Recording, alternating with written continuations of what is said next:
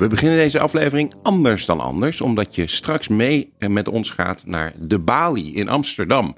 Waar we in een uh, in front of a live studio audience, zoals ze dat in de jaren 80 zo mooi zeiden, onze podcast opgenomen hebben tijdens het Tech Podcast Festival. Uh, maar voordat we overschakelen naar dat debatcentrum in Amsterdam van de witte wijnsippende grachtengordel elite, beginnen we zoals we dat in iedere aflevering doen met een terugblik op de geeky wereld. En uh, we sluiten straks ook gewoon af met onze kijktips. Uh, Tom, heb jij wat gekeken, geluisterd, gehoord, gezien, uh, ervaren de afgelopen of gespeeld. Of gespeeld? ja, ik ben nog steeds bezig met de games van de afgelopen jaren die ik gemist heb inhalen met mijn nieuwe Xbox. Eén daarvan is Arkham Knight, het derde deel in de Arkham-series van Batman games.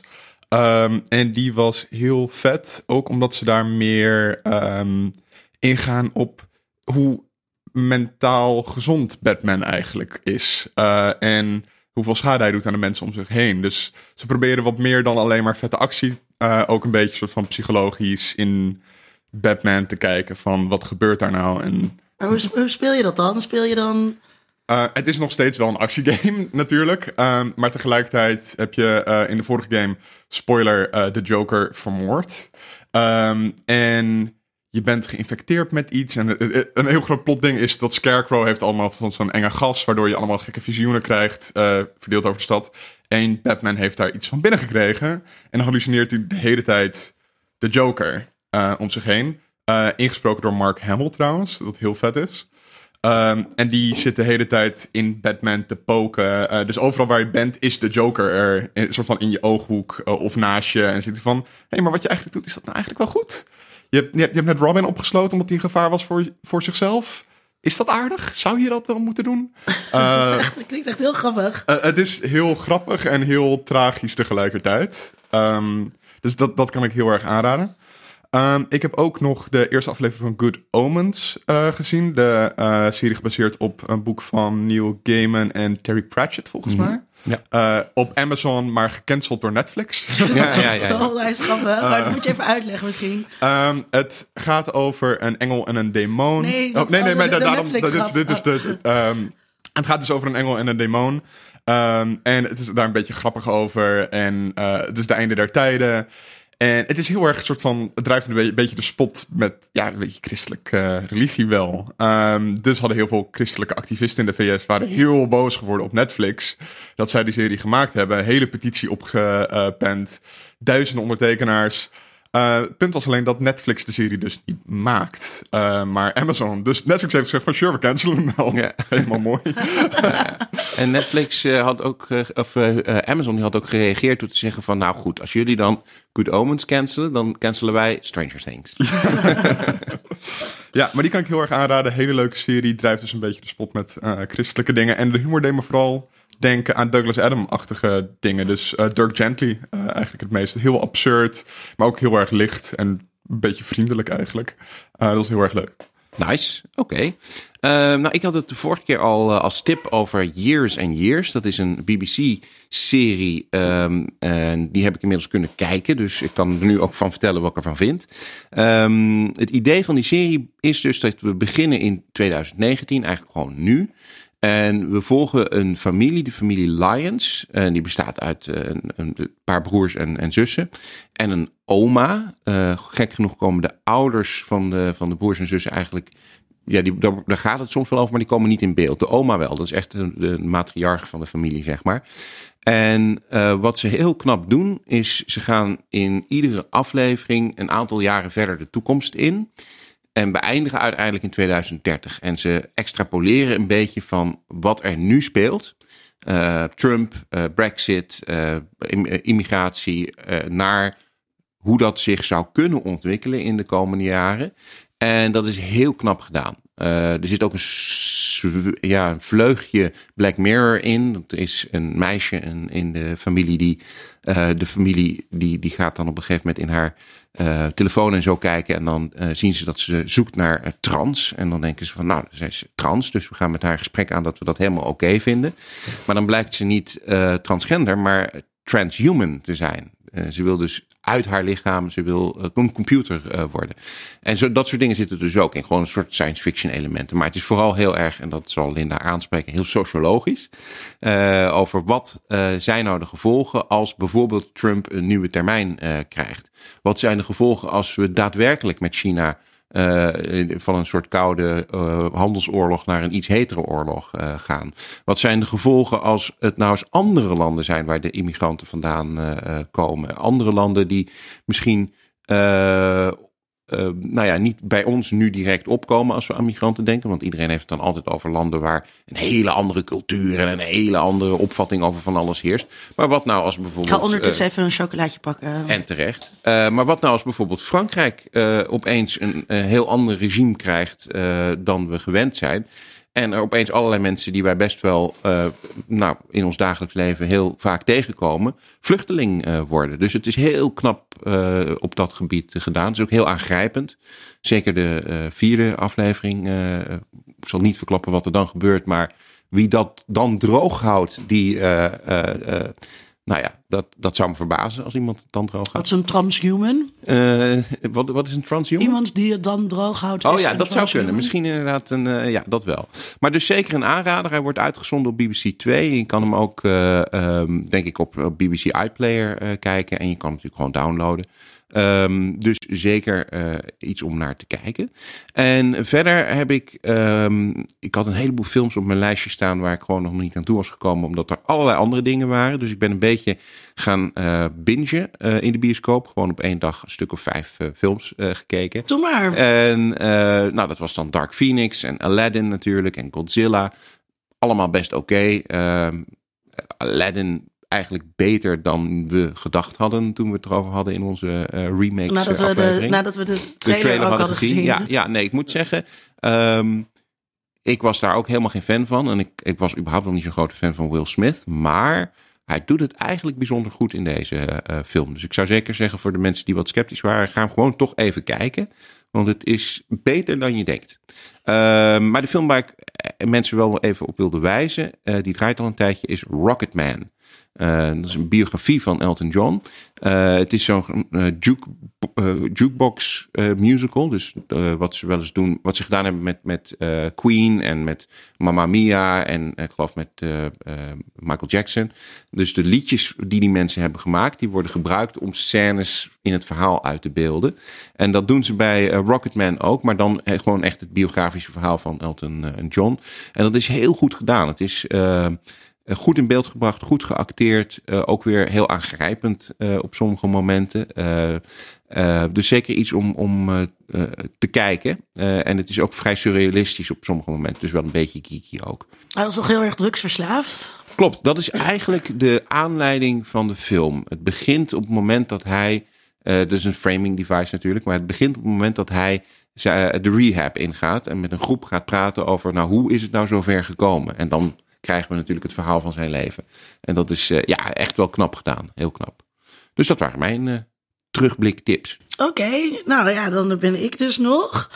En uh, ik heb Chernobyl gekeken, maar daar hebben we het al uitgebreid uh, over gehad. Uh, maar ik wil het hebben over de Chernobyl podcast. Ja. Die ik daarna ben gaan luisteren met bedenker en schrijver en producent um, Craig Mazin. Nou, Tom, je voelt het al. Een dode auteur is veel fijner dan een auteur die in een podcast de hele serie voor je verpest. Hmm. Seriously. Gewoon echt, mijn hele kijkplezier van die serie is vergald door de auteur die meende te moeten uitleggen wat hij met allemaal dingen bedoelde. Maar waar, maar waar lag dat dan aan? Want ik heb er met heel veel plezier naar geluisterd, naar de historische context, naar juist wat voor creatieve keuzes ze hebben gemaakt hebben. Dat vond ik super interessant om mee te krijgen. Ik ook. Nou, ik, ja, ik vond hem dus heel erg Sovjet-bashen. En dat vond ik hmm. ontzettend ongepast. Uh, dat gaf me ook een heel uh, slecht gevoel. En um, ik wil ook helemaal niet de overweging achter artistieke keuzes weten. Ik wil gewoon mijn eigen uh, betekenis geven. Ik vond hem dus dom overkomen. Terwijl ik de serie heel slim vond. dus dat, dat, dat maakt het dus ook nog eens een keertje kutter. En ja, ja dat weten jullie. ik luister geen Amerikaanse podcast. Ja. En deze man is gewoon heel erg Amerikaans. Ja. Zoals Amerikanen zijn. Ja, ik heb, ik heb hem wel helemaal afgeluisterd. Ik ben groen en geel geërgerd. Nou, dat kan ook een, een leuke podcastervaring soms uh, zijn. Ja, ik vond het best interessant, omdat... Uh, ja, maar jij wil altijd een levende auteur, Sidney. Nou, dat valt wel mee. Uh, dat, dat, hoeft, dat hoeft niet per se. Maar bij zo'n serie die gebaseerd is op iets wat echt is gebeurd... vind ik het wel interessant om te weten wat fictie en wat werkelijkheid is. En vind ik het ook wel interessant om te weten waarom die keuze is uh, gemaakt. Ik kan het ook wel zelf bedenken in heel veel gevallen natuurlijk. Dat is zeker bij Chernobyl ook zo.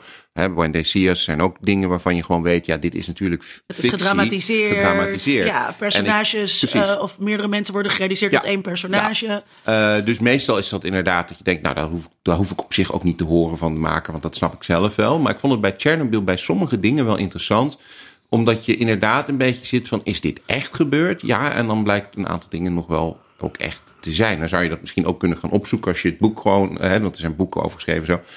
In die zin vond ik het heel makkelijk dat hij bij sommige dingen dus zei waarvan ik. Maar hij had gewoon één boek gelezen. Ja, nee. het was dat. Nee, hij heeft meer gelezen. Oh, nee, toch?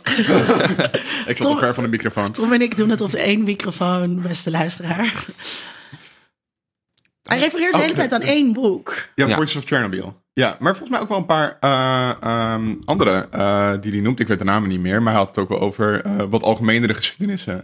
niet alleen maar die ooggetuigenverslagen. Nou, knap zeg. Ja, ik denk, maar, en dat, maar dat, vond ik, dat vond ik dus ook vervelend. Want toen dacht ik, oh ja, dus die magie van die serie... Dat komt dus eigenlijk omdat dat boek zo goed was, Voices of Chernobyl. Ja, voor een deel uh, wel. Um, maar dat, dat vind ik dan ook wel weer. Ja, misschien. Ja, ik ben het wel deels met je eens. Misschien zou dat. Dat had, dat had je ook met één aflevering kunnen, van de podcast kunnen weten. Dat het, nou ja, maar, uh, maar voor was, mij was dat dus. Um, want ik wist dat niet, dat, dat, dat okay. zo sterk op dat boek gebaseerd was. En toen dacht ik, ja, maar dan had ik dat ook. Dan is het een beetje een soort plagiaat kwestie, wordt het dan. Dus ik had bij alle dingen. Ja, ik, ik, ik trok die gast gewoon echt helemaal niet. Want alleen aan het einde, uh, helemaal in de laatste aflevering. Um, um, uh, uh, reflecteert hij eigenlijk een beetje op, op Trump. Uh, en dan gaat hij in over, over uh, de waarheid en leugens. En dat, we, dat, dat mensen altijd liegen om de dag zeg maar, door te komen. Uh, en dat dat ook niet erg is. Maar dat je een echte leugen, als je hem ziet, hem altijd moet benoemen. Omdat het dus anders zoiets groots wordt. En dat was heel duidelijk een verwijzing naar de mensen die met Trump werken. Mm. En die natuurlijk ook in, een, in, in zo'n idiote realiteit bestaan. waarin je gewoon zegt: nee hoor, de reactor is niet geëxplodeerd. uh, want, want Trump heeft gezegd dat dat niet is gebeurd. Ja, ja, ja precies. Dus dat, uh, dat was dan nog uh, dat, gelukkig, ja, dus oké, okay, ik was nog wel blij dat ik aan het einde was gekomen. uh, maar ik moet dus ook gewoon niet meer, um, niet meer Amerikaanse podcast luisteren. en het tweede wat ik had gekeken was Tales of the City. Yes. En ik vind dat het wel in de geeky dingen mag, omdat het een follow-up is uit, van een serie van uit de jaren negentig. Dus nou ja, dat, kan je Kiki noemen. Ja, per definitie. Uh, het is vooral heel erg queer. Uh, mm -hmm. Echt hoera. Uh, en um, ja, ik heb er, ik heb er uh, zeker aan het begin vond ik het echt heel erg tof. En um, er is eigenlijk één scène, wat de cruciale scène is, uh, waar ik dan met meerdere mensen over gehad heb. Ik denk dat we dat wel kunnen spoilen. Ja, zeker. Uh, waarin oudere witte mannen praten over hoe zij de AIDS-epidemie hebben overleefd. en er zit een jonge zwarte man bij. En die kaart het aan als ze transfobische de, de dingen zeggen. En ook een beetje racistische dingen. En um, dan ontstaat er daar een gesprek over. En uh, ik vond dat heel mooi in beeld gebracht. Ja, eigenlijk die spanning tussen die oudere generatie en die jonge generatie die zo met taal uh, bezig is. En uh, ook wel taalpolicing is. Mm -hmm. En die oude generatie die zei, ja, maar weet je, hallo, wij hebben voor jullie gestreden en wij hebben het allemaal meegemaakt. En je weet niet hoe geprivilegeerd jij nu bent. En ik vond dat ze alle twee, alle twee de standpunten hadden gelijk. En dat vond ik dus heel mooi in beeld gebracht. Dat daar dus ook geen keuze in gemaakt werd, maar dat die beide realiteiten waar zijn. Mm. Ja. ik vond het ook heel knap. Uh, ze zei, de, de ene kant is dat ze allebei waar zijn. En ook de andere kant natuurlijk dat ze allebei onwaar zijn. Dat, dat, werd, dat werd prachtig in beeld gebracht. Waar je misschien, ik weet niet of dat voor jou ook geldt, maar geneigd zou zijn om misschien iets sneller op de hand van de, de zwarte man in dit geval te zijn. Wordt in die scène toch ook wel heel goed verwoord waarom je niet zo zwart-wit kunt denken in deze situatie. Hè? Want wat die witte mannen zeggen, en het zijn ook echt witte mannen, en ze zeggen ook hele nare dingen. Uh, is natuurlijk ook voor een deel gewoon waar. ze hebben natuurlijk ook die AIDS-epidemie meegemaakt. Ze hebben gestreden voor die homorechten. Dan kun je zeggen, ja, dat konden ze alleen maar doen omdat ze toen al geprivilegeerd waren. Dat is ook zo, maar ze hebben het wel gedaan. En het is echt prachtig in beeld gebracht. En het is denk ik een, een hele goede weergave van wat je nu heel vaak op Twitter ziet gebeuren. Van onbegrip tussen, tussen groepen die meer begrip voor elkaar zouden moeten hebben. Ja, ja ik vind dus ook. Um, dus ik ken mensen die vroeger bij bijvoorbeeld bij de Rode Flikkers mhm. betrokken mm. waren. en voor wie Flikker dus heel erg een geuzennaam was. Dus, ja. dus het is ook uh, een generatie die op een andere manier met taal omging en woorden gereclaimed heeft. Uh, en er nu dus bij staat te kijken naar hoe allerlei woorden taboe weer uh, worden. Het, het, lijkt bijna alsof jij iets van Foucault weet. Of ik iets van Foucault weet. Of ik iets van Foucault weet. Ja, dus, nou ja, maar dat is dus. Dat, dat is, dat, ja, dus ik, ik ben daar natuurlijk wel in, in geïnteresseerd. Ik moet wel zeggen dat richting het einde van de serie mm -hmm. mijn queer excitement wat afnam. Met een beetje Murder She Wrote, hè? Ja, dus de, de rode draad vond ik erg voorspelbaar. Ik wist ook meteen al helemaal aan het begin wie het gedaan had. Ja. En uh, dat ik dat, dat is dat ik verhaallijn eigenlijk niet zo interessant vond. Dus het is misschien ook wel een beetje queerbaiting, deze serie. Ja, wat, wat, ik op een gegeven moment zat te denken, want die, uh, onze uh, uh, Michael Tolliver, de, de, de held, of dan, nou ja, de held, maar in ieder geval een van de hoofdpersonen van de, van de serie, die heeft dus een jonger vriendje en die gaat dan ook met hem naar Murder, She Wrote kijken. Wat dat jonge vriendje helemaal niet snapt en heel stom vindt. Want dat is natuurlijk allemaal hele oude, ouderwetse televisie. En toen zat ik op een gegeven moment bij dit, tegen het einde zat ik te denken, zouden ze dat nou expres gedaan hebben om ons een beetje voor te bereiden dat dit eigenlijk inderdaad qua plot een soort jaren tachtig uh, murder mystery plot uh, uh, geworden is. Want dat, dat is wel jammer, vind ik. Ja, ja. jaren tachtig, mooi bruggetje. Ja.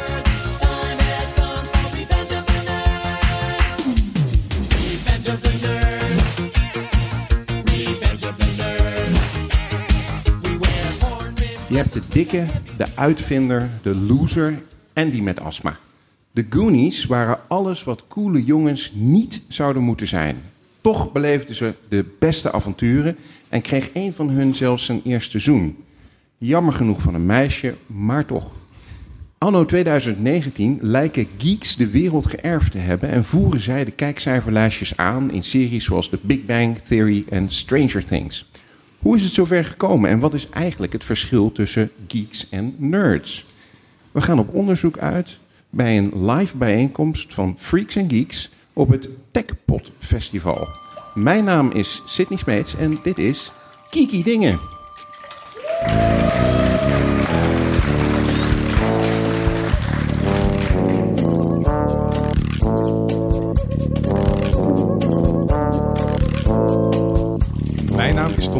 En mijn favoriete geek is denk ik toch wel Abed van Community.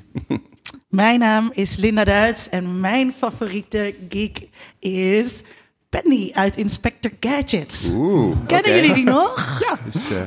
Ja, toen wist ik wel wat ik later wilde worden. Throwback Saturday. Um, uh, ja, mijn naam is dus Sydney Smeets en uh, ik denk dat mijn inner geek Sam is uit Freaks and Geeks. Voor degene die de serie kennen. Um, als we het nou toch hebben over freaks en geeks en nerds. Uh, we hebben net een uh, prachtige uh, andere podcast gehoord. Die gaat allemaal over technische dingen. Wat zijn nerds? Wat zijn geeks? Wat is het verschil? Nou, zal ik daar dan iets sociaal-wetenschappelijks over zeggen misschien? Ja. Um, nou, het is wel interessant, want ik denk dat je nerds moet zien als een subcultuur. Maar er is heel erg veel onderzoek gedaan naar subculturen, maar niet naar nerds als subcultuur. En dat komt ook een beetje omdat uh, die onderzoekers die dat onderzoek doen, die willen eigenlijk, ja, sorry mensen in de zaal, die willen onderzoek doen naar coole subculturen. Dus we weten heel veel, we weten heel veel van punk en zelfs van gabber en gothic, maar dat is niet zozeer van, uh, van nerds.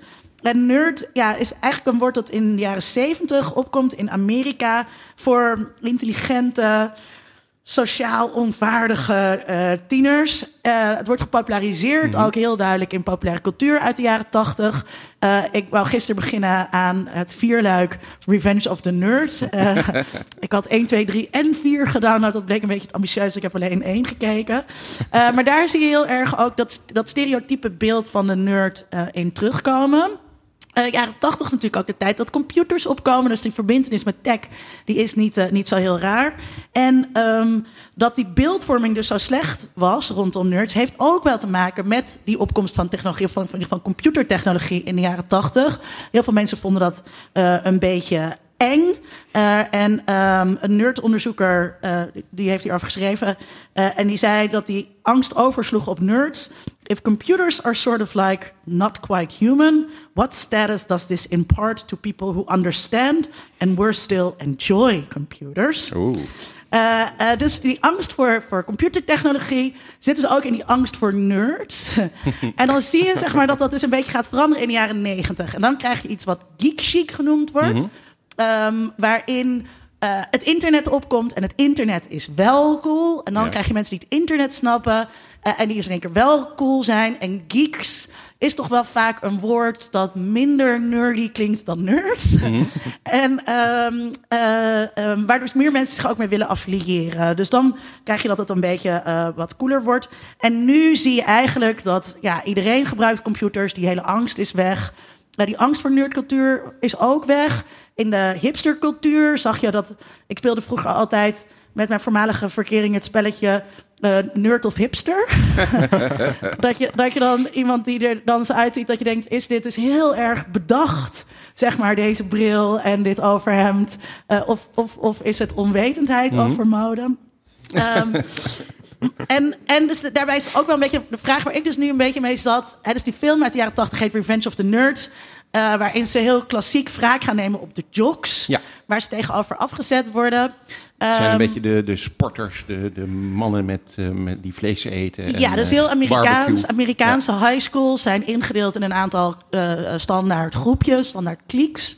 Um, en de jocks zijn daar één van en de nerds zijn er altijd één van. Het is trouwens wel interessant dat dat soort indelingen wereldwijd terugkeren. Mm -hmm. Dus die zie je ook in Nederland, maar ook in Zuid-Korea mm -hmm. bijvoorbeeld. Um, maar zij, dus heb de vraag. Maar je kan je afvragen of nu, dus in onze tijd, zeg maar, waarin um, um, ja, uh, techniek alles is en daar het geld in is te verdienen. En, en je super cool bent als je bij een start-up werkt.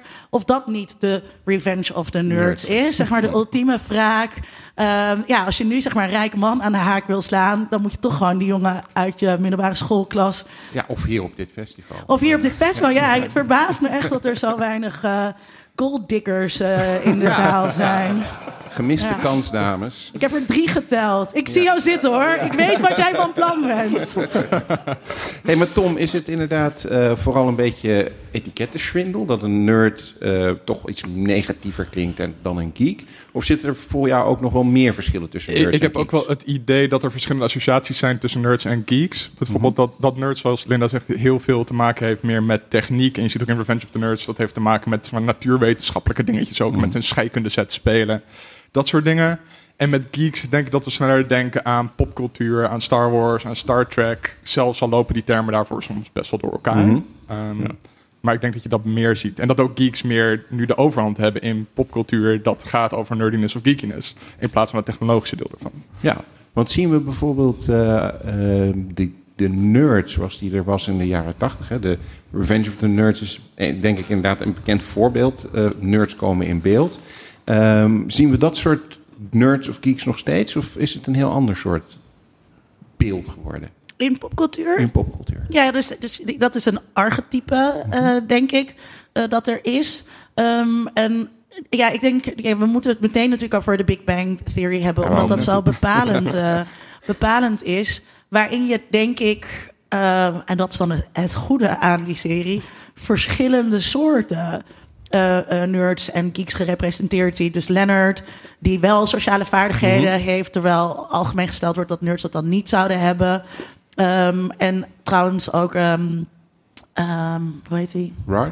Nee, die andere. Uh, Sheldon. Sheldon, Sheldon die, die vooral eigenlijk meer geeky is, omdat zijn nerd hem toch ook wel heel erg stoelt op popcultuur. Um, dus ik denk dat er, dat er wel nieuwe types bij zijn gekomen. Um, maar dat dat ja, het is, het is een klassiek beeld wat heel makkelijk te bespotten is. Het beeld van de, van de nerd. En dat gebeurt dus ook veelvuldig.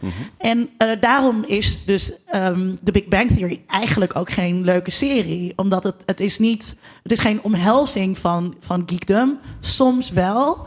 Maar het is veel meer gemaakt voor een breed publiek om gewoon nerds uit te lachen. Ja. Basically. Ja, want wat heel veel van de, van de humor, tussen aanhalingstekens, in de Big Bang Theory...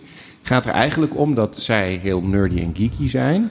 En dat je daarom moet lachen dat ze Ja. dat zijn. Hè? Dus dat eh, als eh, Raj bijvoorbeeld, die, die niet met vrouwen kan praten, eh, die dan als hij dronken wordt opeens een enorme vrouwenverslinder wordt. Ja. Ehm, is dat iets wat we in eerdere representaties van Nerds en Geeks ook terugzien? Dat, dat, dat- Ja, dus dat element van niet met vrouwen kunnen omgaan, dat is Mhm. heel standaard. maar ik bedoel ook meer dat, dat lachen om de nerds. Ja, ik in denk plaats dat van in alle, omhelzen van de nerds. ja, in Ja. alle. Nee, dus het is dus sowieso, kijk, ehm, eh, de meisjes, ik, ik ben gewoon voor de meisjescultuur. Ja, dat kan, jongens in de zaal.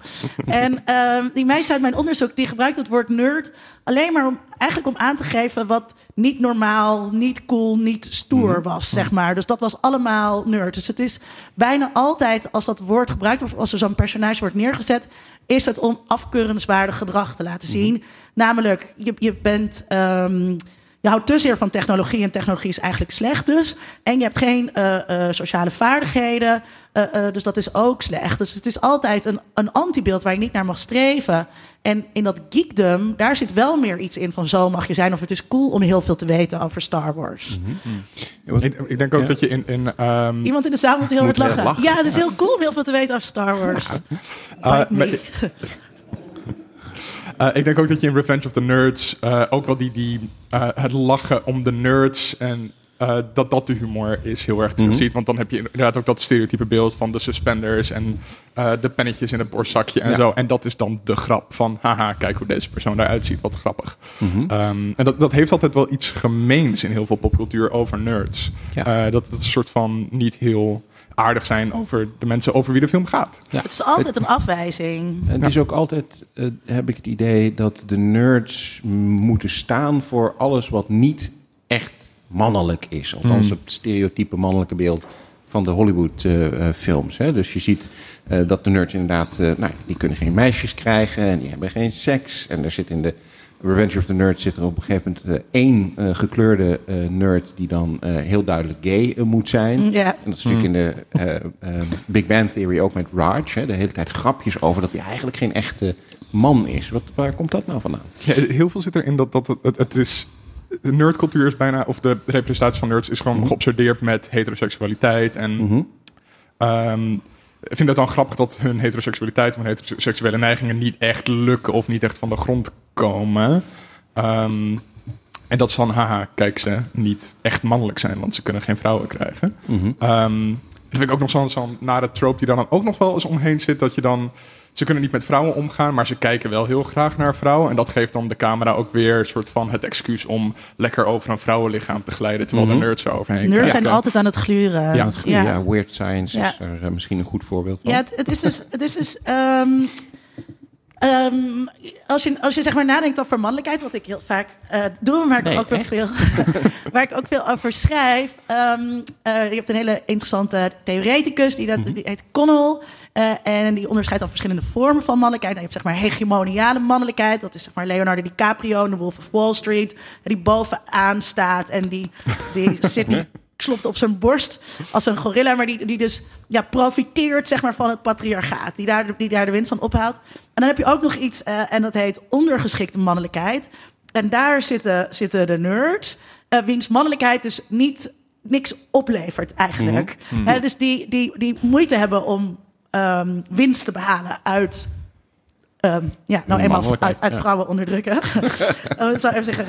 Ja, nou, En, wat, ehm, wat voor nut heeft het dan? wat voor nut heeft het dan? Ja, precies. Ja, dus- maar dat is dus, dat is dus een. En, en dus zij lijden dus ook onder, onder die codes eh, van mannelijkheid, waar ze, waar ze steeds maar niet aan kunnen voldoen. En eh, je ziet ook dat dat nu in alt-right kringen heel duidelijk naar voren komt. Dus daar, de, de hele No Fap movement bijvoorbeeld. Ja, ja. Ehm, ja, dat, dat, is, dat is ook wel heel problematisch. Dus, dus mensen, ja, jongens die veel de tijd doorbrengen op bepaalde plekken op het internet. Mhm. En die dan boos zijn, zeg maar, dat zij niet de chickies krijgen, terwijl ze wel eh, aardig zijn. En daar vervolgens boos over. Dus het is.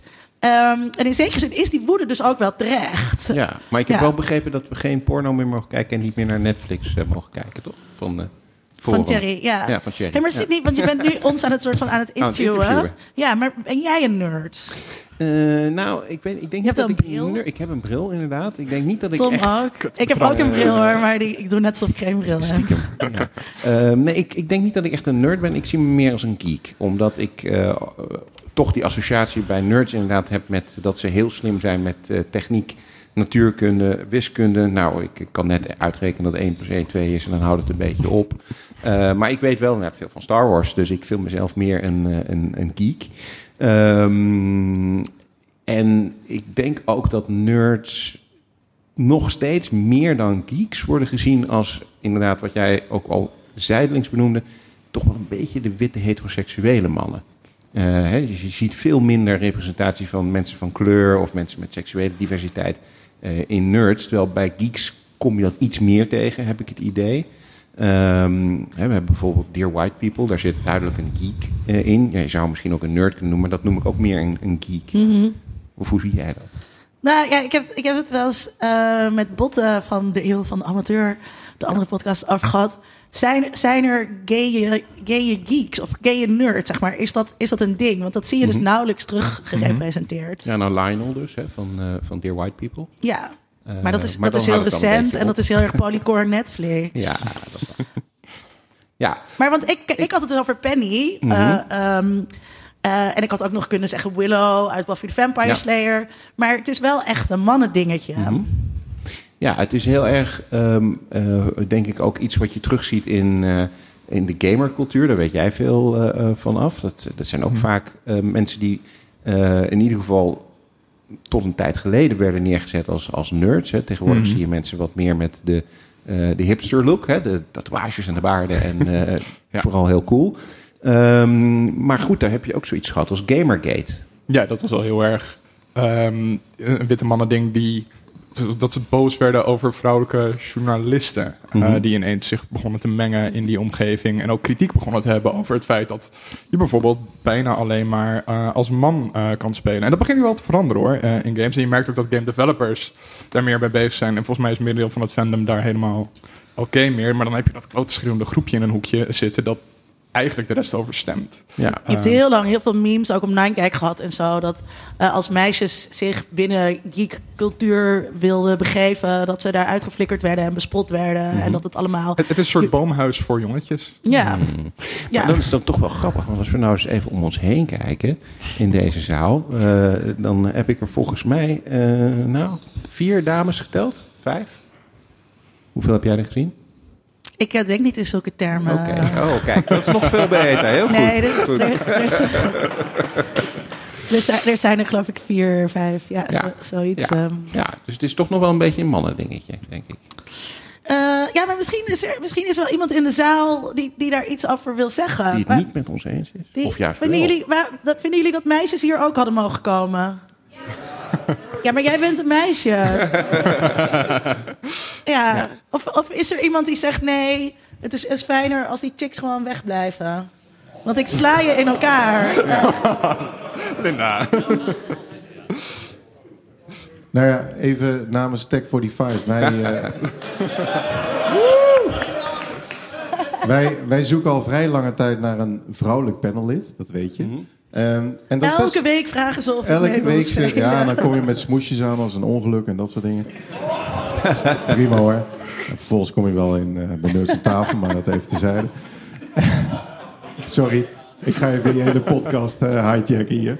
Ehm, nee, maar het, het, is wel waar. Het is, het is heel moeilijk om eh, eh, eigenlijk vrouwen te vinden die geïnteresseerd zijn in tech en ook in die hoek zitten. Maar ze zijn eh, ongelooflijk welkom. Laat dat even duidelijk zijn. Ja, ik weet niet of ik namens de zaal spreek, maar volgens mij eh, Kijk, is dat zo. Duidelijk. dus de, de Hart, revolutie begon in de baan. hartverwarmend. Hartverwarmend. Nee, ik vind, ik vind dus wel... ehm, eh, om, om weer even zeg maar, terug te gaan naar representatie. Uh, wat ik een hele toffe serie vond, wat heel, wat heel jammer is dat hij gestopt is, is Chuck. Ja. Keken jullie dat? Ik zie echt drie mensen in de zaal ja knikken. Uh, de rest Chuck, gaat het De reden dat downloaden het gecanceld vanavond. is? Dat, uh, dat is de reden dat het gecanceld is. En Chuck was, was, uh, gaat het over hoofdpersoon Chuck. En die werkte bij een soort van mediamarkt als, als, een, uh, als iemand die dan computerproblemen kan oplossen. En dan komt hij erachter, volgens mij, dat hij een soort chip in zijn hoofd heeft... waar geheime berichten mee doorgegeven kunnen worden. En dan is hij een soort geheim agent-achtig iets. En dan komt er onwijs lekker wijf van de FBI... komt dan hem ook helpen. En samen beleven ze allemaal heel spannende avonturen... Uh, en, en die gast die Chuck speelt, die blijkt dan ook in één keer, weet je, ook gewoon een heel lekker lichaam te hebben. En uh, weet je, je doet zijn bril af als een soort Superman. En dan, wow. Dat is een meisje met een paardenstaart. Die paardenstaart los, wow. Ja. Precies. Um, en dat is, dat is denk ik wel, um, dat was wel een soort uh, uh, baanbrekende representatie van uh, een nerd. Mm-hmm. Waarin het dus niet meer ging om lachen om, maar veel meer van dit is een, een herkenbaar personage. Uh, uh, maar je wilt hem ook zijn, of Ja. zo. Maar het komt gedeeltelijk ook natuurlijk om wat je zegt, hè, om- omdat hij zich eigenlijk zijn nerdiness een beetje van zich afwerpt op het moment dat hij de superheld. eh, Nee, maar er zit zijn nerdiness ook Ja. heel erg in, wel, om Ja. dus al die missies te kunnen voltooien. Ja, hij gebruikt het wel heel- heel erg zijn eigen zijn kennis die hij Ja, heeft eh, ja. daarin. Heb jij dat gekeken, Tom? Nee. Ja, nee, heel nee. tof gevonden, denk ik. Ja. Ja. Dus moet ik dan een keertje gaan kijken. Een andere serie, eh, volgens mij, die het op zich wel goed doet qua representatie. In de zin van dat het ook eh, niet lachen om de nerds en de geeks is, maar gewoon eh, leven, meeleven met, is, is Freaks and Geeks. Ik zeg, eh, En ook gecanceld Ja, helaas. na één seizoen. Eh, Freaks and Geeks, hè, een serie eh, die zich afspeelt in de jaren tachtig. En eh, die eigenlijk twee groepen volgt. Het zegt het al, de Freaks en de Geeks. De Freaks zijn meer de mensen die op het schoolplein eh, een, een jointje roken. En de de geeks zijn alto's, de zouden wij alto's, zeggen. ja. En de geeks zijn inderdaad de jongens die van Star Wars houden en van uh, goocheltrucs en, en dat soort dingen. Ehm, Het heeft minder te maken, denk ik, met computerkennis eh, en dergelijke. Maar dat komt eh, vanwege het tijdperk waarin het... ja. eh, waren er nog geen computers. Ja, Ja, toen wel. waren Ja, er al die wel, maar toen hadden mensen dat nog die niet thuis. computers in huis ja, natuurlijk. Ja. En het is belangrijk ook te melden dat het een jaren negentig serie is over een eh, 80. tijdperk daarvoor. Ja, Over- enigszins nostalgisch. Toen ook al, ja, dus ook door de, van, vanuit de makers nostalgisch naar, naar hun eigen jeugd. En wat ook belangrijk is, is dat eh, de freaks zijn ouder Ja. ehm, dan de geeks. Dus de geek is het kleine broertje van de grote zus, eh, eh, die dan een beetje bepaalt van haar leven als mathlete. Wat ik altijd een heel grappig woord vind. Iemand die dus ja, want eigenlijk is zij de, de meest nerdy persoon van de, van, van de serie. Ja, maar dat kan niet, want ze is een meisje. maar- precies. Ja. Ja, dus kan zij heel makkelijk ook eh, switchen naar die andere groep en gewoon een legerjas aantrekken en dan, Ja. eh, en dan kan je erbij. Ja, en, dus, en, dus, en het gaat dus over haar en, en het groepje waar zij dan in komt en het groepje van haar broertje. En haar broertje is eigenlijk ook niet heel nerdy, maar zo'n heel lovable boy next door jongetje.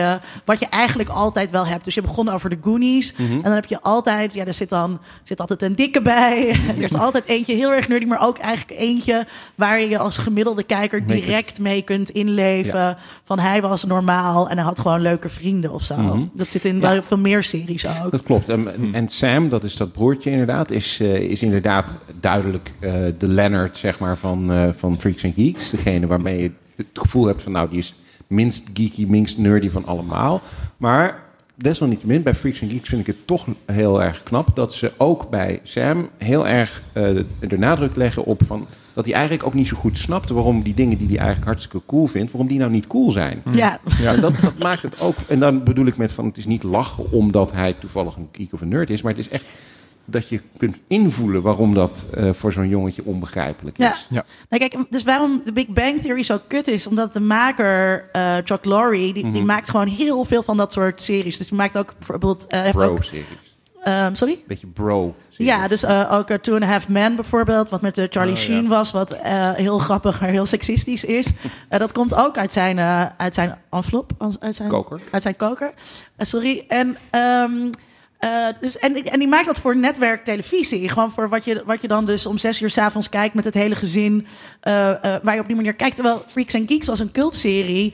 en daarom werd hij ook zo snel gekend. Want ik denk als hij, als hij nu was gemaakt in het streaming-tijdperk, in Mm. de, de derde gouden eeuw van eh, televisie waarin Mm. we zitten, ehm, dan, dan had hij veel langer gelopen. Want dan had dat, dat niche-publiek dat deze series leuk vindt, dat wordt nu veel meer gewaardeerd. Ja.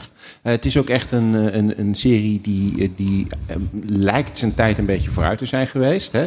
Het was een, eh, een wekelijkse serie, maar een heel ander soort wekelijkse comedy-serie dan je normaal zag. Ja, want het was gewoon geprogrammeerd op een slot dat normaal sitcoms waren, toch? Ja, eh, in, in eerste instantie wel. Later werd het verbannen naar wat moeilijkere tijdstippen. Omdat ze er eigenlijk al meteen geen, eh, geen vertrouwen meer in hadden. Maar wat een van de dingen van, van die serie is dat het eh, niet altijd een happy end is. Dat het eh, niet altijd alleen maar gaat over dat de jongen het meisje krijgt. Of dat ze aan het einde van de aflevering allemaal heel gelukkig Een eh, zijn. authentiek beeld van jongere cultuur. Ja, realistisch. Ja, nou ja, maar dus, dus het is natuurlijk geen authentiek beeld, want het is een nostalgisch terugkijken. Ehm, maar het is wel met heel veel liefde gemaakt door eh, hele goede makers. En het is natuurlijk ook eh, niet eh, gek dan als je kijkt naar eh, al die acteurs. Bijna alle acteurs zijn super succesvol geworden. Eh, dus James Franco en ehm, Seth Rogen. Seth Rogen en hoe heet die gast ook weer van How I Met Your Mother. Jason Segel. Ja, Is dat Segel? Ja, Shia LaBeouf zat er zelfs in. Huh? Echt? Ja. Hij is die, er is een aflevering die gaat erover dat de mascotte van, het, eh, van, de, van, van de school... dat is een soort viking. En eh, Sam die moet dan in die viking gaan... want hij wil heel graag met de cheerleader daten. En de vorige viking-mascotte die heeft zijn arm gebroken... omdat hij in een piramide van cheerleaders is hij naar beneden gevallen. Dus hij is gewond geraakt. En dat is Shia LaBeouf. echt? Yes. Hij Ja. gaat meteen opnieuw kijken. Eh, nou ja, het stond dus een tijdje op Netflix en nu hebben ze het er weer afgehaald. Ja, jammer hè? Ja, Ja, ik heb het ook dus- nooit afgekeken, omdat ik het dus op Netflix keek. En toen ging ik er van af. En Lullig. toen is het een beetje... Ik moet even namens Samuel Gerrits ook zeggen... Netflix, we weten dat jullie luisteren. Was het breng het, breng het weer terug. Breng het terug. Ja, maar waarom denk jij, Sidney? Want waarom denk jij dat die serie zo, zo die cultstatus heeft gekregen? Nou, dat, eh, ten eerste omdat het gewoon heel simpel, omdat het heel goed gemaakt is. Eh, de verhalen zijn precies wat je zegt, heel authentiek. Het komt gedeeltelijk ook gewoon omdat het waar gebeurde verhalen voor een deel zijn. Dus het zijn verhalen die de makers zelf hebben meegemaakt. Natuurlijk niet zoals het in de serie zit, maar er is bijvoorbeeld één aflevering die gaat erover dat Sam een, eh, die, die, die, die besluit om dan voor het eerst zijn eigen kleren te gaan kopen. dus niet Oh, met dat zijn is moeder. Zo grappig. En dan arme, arme jongen. koopt hij een, een, een eh, ja, Paris Night Suit. Nou, dat Oh, is dus eigenlijk een soort Saturday Night Fever disco pak. Ehm, en dan gaat hij mee naar school. En eh, de maker van de serie die zei ook van ja, dit is mij echt overkomen. En het moment dat die Nou. deuren van de school open gingen, wist ik dat ik een hele grote fout had gemaakt. en dat is precies wat in die serie ook, eh, ook zit. En dat maakt het dus heel authentiek. Je, je kan je het je ook zo voorstellen dan als kijker, soort van die schaamte Ja. van die gang binnenlopen, dat iedereen naar je staart en dat je door de grond wil zakken. En, Maar ik denk dus ook dat dat, dat dat in de jaren tachtig dus nooit gemaakt had kunnen worden. Omdat er toen dus nog zo'n sterke aversie tegen nerds en geeks was. En dat dat echt pas met de jaren negentig oké werd. En kijk, sowieso... ehm, als ik tegen mensen zeg dat ik een podcast maak over geeky dingen... dan lacht niemand me uit. en dan vindt iedereen het eigenlijk wel interessant. En, en dus dat, dat hele geekdom, dat is niet meer iets waarvoor je moest gaan. Maar we moeten wel bedenken hoe het was... Eh, voor hè, de wegbereiders, die, de, de, de trackies, die werden uitgelachen. Ehm, eh, zelfs door Captain Kirk himself. Ja, ja Get Eh, Alive. Get Alive. Ehm, en dus dat, dat die hele fancultuur, dat werd echt gezien als iets eh, fanatieks.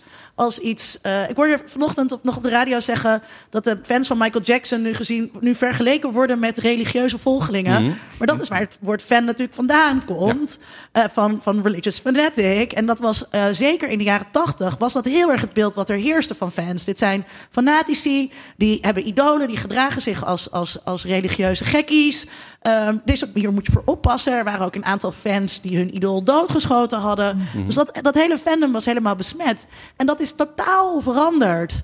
Ehm, eind jaren negentig en zeker ook met de opkomst van Facebook, waar je fan kon worden van een bedrijf. En het hele woord fan is nu iets heel eh, positiefs. Ja, Heeft dat ook te maken met eh, dat die, die nerds van toen nu de makers van nu zijn? En dat, dat zij nu ook die popcultuur maken. Dus dat die representatie van nerds nu ook veel positiever is. Omdat de mensen die het maken zelf die Star Wars fans zijn van de jaren 80. Ja, dus, dus uh, wij, dan claim ik even die wij, Mhm. wij hebben gewonnen. Uh, Ja. De trekkies en de fans en, en mensen uh, die alle afleveringsnummers kennen en precies weten op welke planeet we toen waren. ja, ja, en, precies. Ja, we ja. hebben- je hebt ook I'm veel- looking at you, Sydney.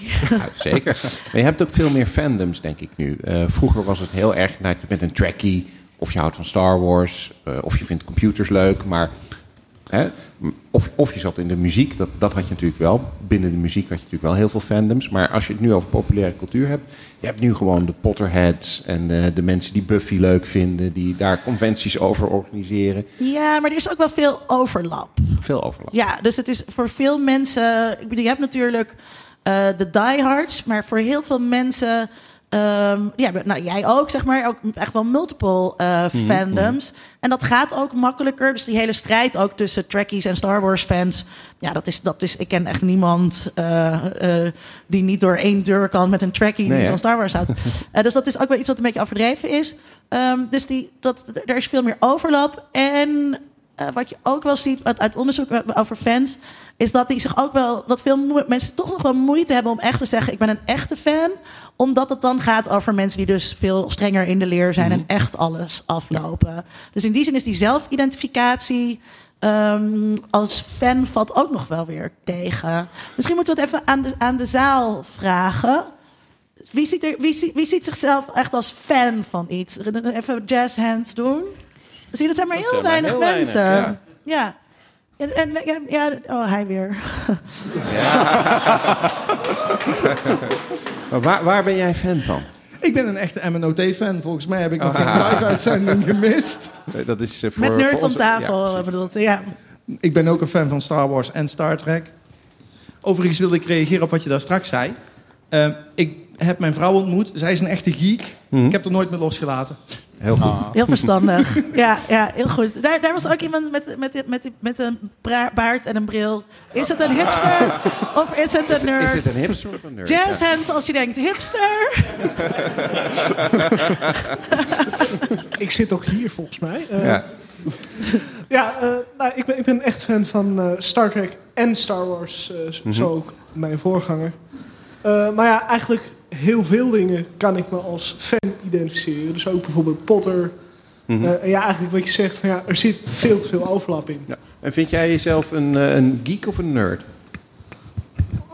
Lastig, lastig, lastig. Ehm, ja, ik denk eerder een geek. eh, hoewel ik eigenlijk ook daar weer overlap zie. Hmm. Ehm, ik hou ontzettend van computers. Dat is ook mijn vakgebied. Maar ja, qua cultuur dan toch echt meer een geek. Oké. En in diezelfde rij was nog een jongen. Ja, het is wel, het is, maar dus, dus, dat, dat gevoel, dat, dit is, is volgens mij wel een breed gedeeld gevoel dat nerd meer richting technologie gaat en geek meer richting cultuur. Ja, als, ik vind eigenlijk ook, ben meer fan van muziek, omdat je daar dan echt heen kan gaan. Nou ja, je kan ook hierheen gaan, dat is ook heel Ja, gezellig. Maar hier. als ik naar, als ik ben van, ik, ik, ik hou graag van muziek, bijvoorbeeld van rockmuziek of van een bepaalde band van Green Day. En dan ga je echt naar een concert en dat is een soort van ideaal. Eh, dat je met z'n allen daar staat mee te zingen. En dat heb ik met, ehm, als je fan zou zijn van een game, is dat toch min, min- denk ik minder fan zijn. Je gaat niet met z'n allen, ja, je gaat misschien met z'n allen in de E3 in de rij staan. Maar dat idee is denk ik wel een heel groot verschil daarin. Dat je met fanen toch meer dat idea, ehm, dat je daar echt naar kijkt, zeg maar. Als een Ja. soort van podium. Nou, ik denk dat dat is wat Linda bedoelde met die opkomst ook wel van, eh, van Facebook en, en, eh, en ook conventions, hè, de Comic Cons en dat soort dingen. Dat je dus wel echt mensen kunt gaan ontmoeten online eh, in een eh, fan community of op conventions. eh, ja, daar kun je gewoon met elkaar de Marvel meetup of de DCU meetup die er iedere keer is hebben. Ja, dus Eh, in de, in de ontwikkeling van, van. Ik heb hier een boek over geschreven. Hoe heet dat boek? Het heet de Ashgate Research Companion to Fan Cultures. Ja, Catchy Heel, naam. heel Super catchy. catchy naam. Ja, het kost ook echt iets van 150 euro. Zo. Zo'n academisch boek is echt crazy duur. Eh, maar ehm, eh, dat, in die ontwikkeling dus zie je eerst zeg maar, dat fans echt het internet gekolonialiseerd hebben. Dat zij de eerste waren die daar gemeenschap gingen vormen. En vervolgens eh, die trend van het belang van fysieke ontmoetingen. Wat wij dus hier nu ook vandaag met elkaar aan het doen zijn. Is ook iets waar die fans vervolgens weer mee kwamen. Dus die beweging eigenlijk naar offline en fysieke contacten is ook wel iets wat bij hen, bij, hen eerder werd ingezet dan weer bij andere gemeenschappen. Dus fans zien wij in dat boek wel echt als voorlopers. Voorlopers, de avant-garde. Ja, ja. Oké. En ehm, Ik had gedacht dat de zaal er wel voor zou joelen, maar dat is dus niet zo. Nee, er nee, zijn maar weinig nee, nee. fans in de zaal. Ehm, Revenge of the Nerds, daar begonnen we mee. Big Bang Theory. Zie jij eh, overeenkomsten? Heel erg. Ik denk Ja? dat, dat The Big Bang Theory heel erg put uit eh, Revenge of the Nerds. Eh, en, en gewoon het algemene stereotype dat we van nerds hebben. Ehm, en zoals ik al zei, de- ik denk dat er dus wel verder ontwikkeling zit. En dat eigenlijk de Big Bang Theory nu een soort van ehm, afwijkend ding is van hoe Mhm. nerds en geeks eigenlijk meer deel van de tijd neergezet worden. Ja. Want is echt een soort waar- reliek uit een oude tijd meer. Ja, want iets waar we het nog niet echt over hebben gehad, is dat in eh, zowel Revenge of the Nerds als in eh, eh, The Big Bang Theory eh, ook een soort aspect in zit. Je hebt het wel al een beetje genoemd van, van de nerd die eigenlijk vrouwen eh, probeert te misleiden. En- ik weet niet wat je nu met je handen Ja, ik aan het doen bent, de- Het wordt er, ik word er Ja, heel ongemakkelijk van. van. Eh, je hebt in Revenge of the Nerds zit een scène, hadden we het eh, voor de luisteraar toevallig gisteren nog even over, ehm, waarin een, een van de nerds zich verkleedt als een jock, althans onherkenbaar, en dan seks heeft met een meisje. Dat is eigenlijk natuurlijk gewoon een verkrachting. Is het een verkrachting als je denkt dat je seks met een ander hebt? Hmm. Ehm, jeetje. Tom, wat vind jij? Dat was een eh, subtiele paas. Ja. ehm, ehm, ik, ik, ik weet niet. Ja, het- is natuurlijk wel gewoon een beetje. Weet je, het, is op zijn minst toch? heel erg rapey en Ja, heel rapey erg en naar. En En dat doe zit- het vooral niet. Nee, nee, Ja, dat ik zou zeggen, doe het niet. Maar het is misleiding. En er is zoveel misleiding Maar in zit- seks. Ja. Dat is waar, dat is waar. Maar het zit ook wel in, in eh, de Big Bang Theory dat ehm, eh, met name, nou ben ik even zijn naam kwijt, hoe heet hij ook alweer, die jongen? Howard. Ehm, Howard is heel creepy met vrouwen. Hij is de hele tijd bezig om die vrouwen de bed in te krijgen en om allemaal dingen eh, voor elkaar te krijgen. Nou, ja, dus dat beeld van oversext, dat Mhm. is, eh, en dat zit dus ook heel sterk eh, eh, in Revenge of the Nerds. En dus tegelijkertijd zijn nerds niet seksueel, Mhm. maar dus wel oversext. En dat is, en dat is heel problematisch. Dat, dat, snijdt aan, dat snijdt aan twee kanten. Ja, dat heb je ook in, in Superfans. Is ook een van die karakters in die film. Die super over seks en heel seksueel assertief. Maar dan op de naarst mogelijke manier Ja. die je kan bedenken. Dus gewoon ook heel. Ja, weer rapey. Dat je echt zit van gast. Dit is, dit is nou. Ja, terwijl in, terwijl in Freaks and Geeks. En die jongens zijn ook jonger, Ja. dus daardoor ook minder bedreigend, eh, denk ik. Worden ze Ja, als minder die seksueel bedreigend zijn, gezien. zijn ook wel met seks bezig, maar dan op, meer op de manier zoals gewoon tienerjongens met seks bezig Ja, ze zijn nog een beetje prepuberaal. Dus ze weten wel dat, dat je meisjes leuk moet vinden, maar hoe of wat, dat, is, dat is nog onduidelijk. En dat, is, dat is dus ook, dus daarmee wordt, ehm, door, door die leeftijdsgroep te kiezen, wordt hun seksualiteit eigenlijk ook wel afgenomen. Eh, dus dat is misschien wel slim van de makers. Eh, want, maar daar zit ook die ene, die dikke, die is ook een beetje rapey. Eh, nou, je, je- de, de, de, Met die vader. Ja, klopt, die vader. Eh, nou, ja, is die rapey? Hij is, hij, is, hij is vrij onschuldig, hoor. Hij, Ja, maar hij denkt ook wel. Ja, hij denkt ook Ja. wel. Hij, heeft, hij is ook wel een beetje zoals Howard, dat hij denkt Klein dat hij beetje, ja. God's gift for, for womankind is, maar hij heeft gewoon nog niet door. Wat dan heel problematisch is dat ze allebei Joods zijn. Dus misschien dat Ook, daar ook nou ja, dat iets, ook eh, weer. Ja, dat is, antisemitisch nou ja, you're zitten. onto something. Ja. eh, dat, dat, Ja. ja.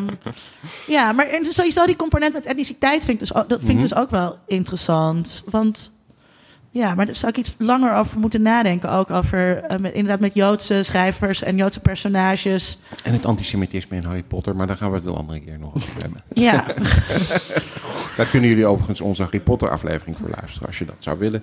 Ehm, En wat vind je dan wat vind je van bijvoorbeeld eh, mijn lievelingsserie Buffy? Mhm. Maar daarin wordt dus eh, Willow's geekdom wordt super gevierd. En dus, Mhm. ik weet niet wat jij ervan vond, want jij, Tom, hebt het teruggekeken. Ja, niet allemaal, maar wel twee, Of voor het eerst gekeken omdat je toen drie was of zo. Ja, ik had het toen niet kunnen kijken. Maar als je dan kijkt, zeg maar, hoe de computers weergegeven worden en het internet en hoe Het- het Willow is- daarmee het is- omgaat. Je merkt wel dat het nog een beetje ongemakkelijk en spannend is. En eh, bijvoorbeeld zo'n aflevering dat er een computerdemon is. Mhm. En dan, je weet niet met wie je aan het chatten bent hoor. Dat is wel erg spannend.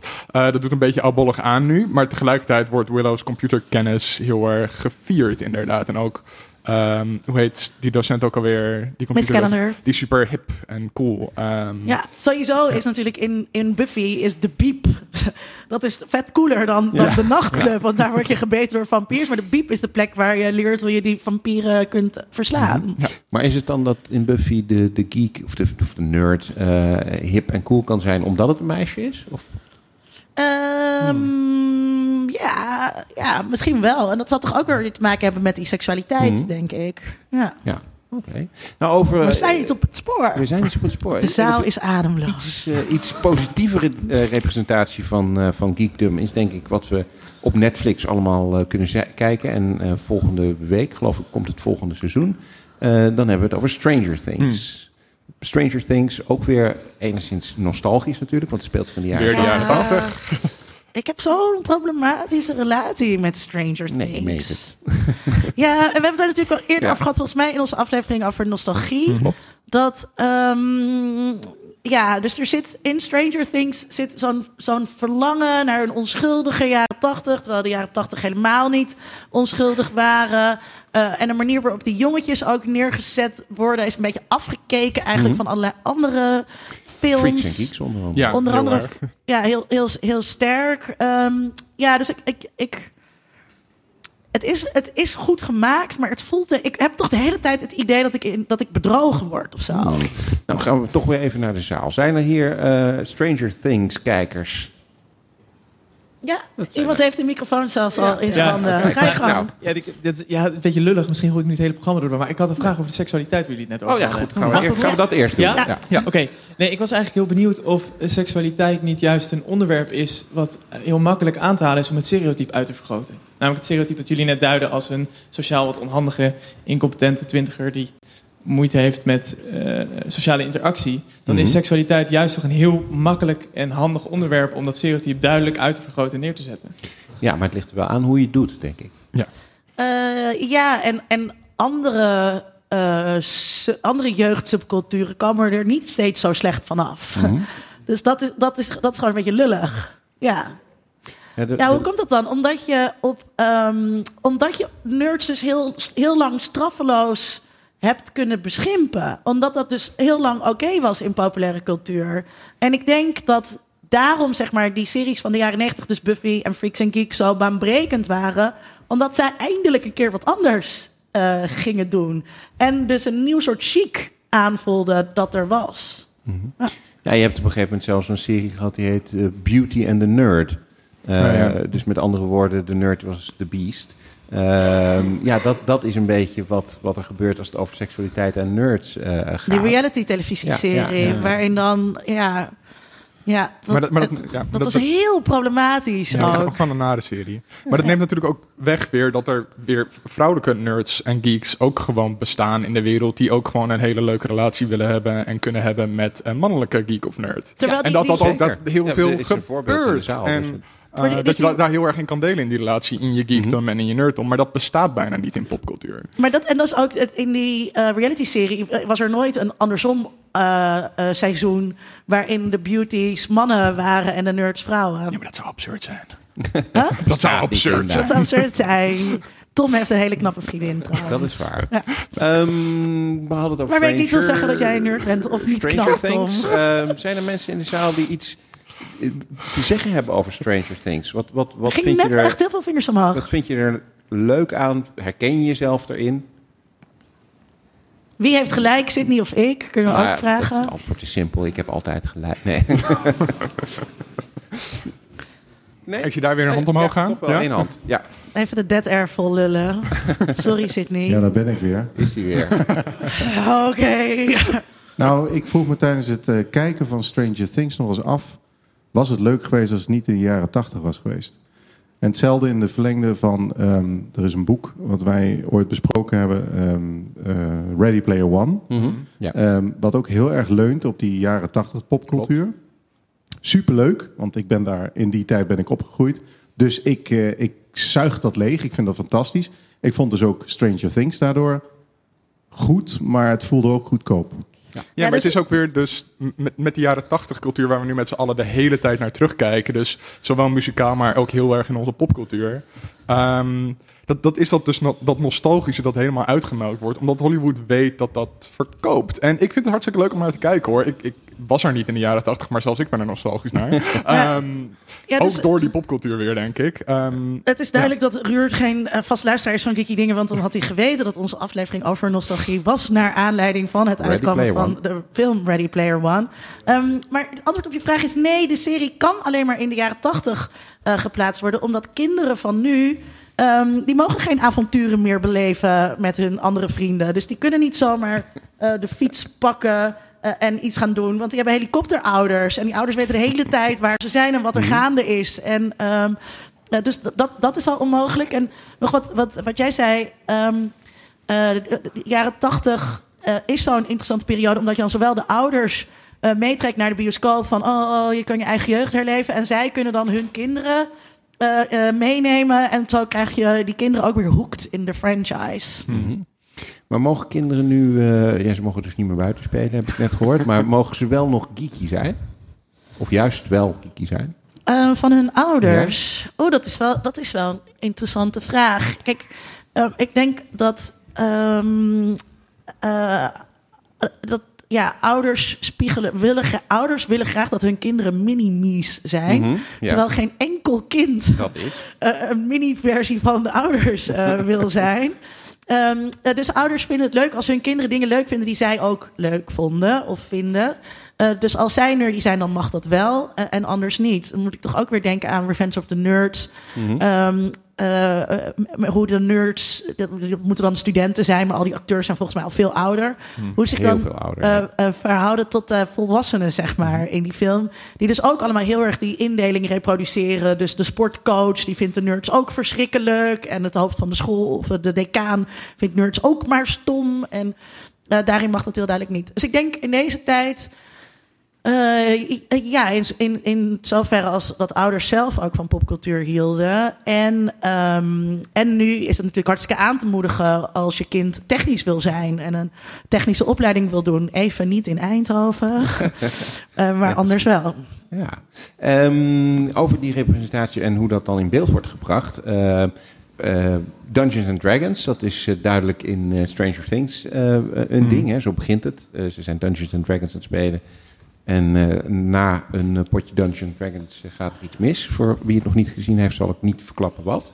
Ehm, computer skills, dat, dat is altijd wat, wat moeilijker in, in, in films. Bijvoorbeeld in Revenge of the Nerds. Hij zit, zit een van de nerds die ontmoet zijn vriendin inderdaad achter de computer. En wat hij dan doet, is hij drukt een paar toetsen in en dan ontstaat er een tekenfilmpje. Waarom is dat zo, zo onrealistisch? Waarom kunnen we niet gewoon een, een, een nerd hebben die echt een eh, Ja, maar het is natuurlijk helemaal, schrijft of zo? het, het is helemaal niet interessant om iemand te filmen die uren aan het coden is. Juist. Co- Code is Ja. fuck saai. Ja. Ja. een soort slow tv. Iemand roept in de zaal, waarom niet? Een soort slow tv, waar je dan naar een hele leuke nerd kijkt... die dan zo door zijn code gaat. Mhm. Shit, en ergens is een fout. Ik moet weer terugscrollen om te Oh, kijken wat dan, er mis En dat hij is. dan de bug Ja. eruit haalt en dat het dan, en dat dan zo wat tudutu onder klinkt. Ja. Maar de, de, de, de manier waarop eh, nou ja, nerds dus, dus gerepresenteerd worden, eh, heeft ook vaak dus niet zo heel veel te maken met wat, als zo iemand al eh, een computerfreak zou zijn, wat hij echt doet. Nee, maar dus de functie van de nerd is, is, is dus ook niet een realistisch beeld geven van het leven met computers, maar is, om, is dus om aan te geven: dit, dit, dit zijn idioten, dit is ongewenst gedrag. Deze mensen staan buiten de samenleving. Hè? Dus die quote die ik net voorlas: van hoe, hoe, ja, hoe raar moet je zijn om dit leuk, eh, om, dit, om dit niet alleen te begrijpen, maar ook nog leuk te vinden. En dat is dus godzijdank wel weg. Dat, Ja. dat, eh, ja. En kun je nou zeggen dat de, de, de geeks of de nerds eh, inmiddels een beetje de, de, de aarde geërfd hebben? Dat zij degene zijn die nu eh, het voor het zeggen hebben? Nee.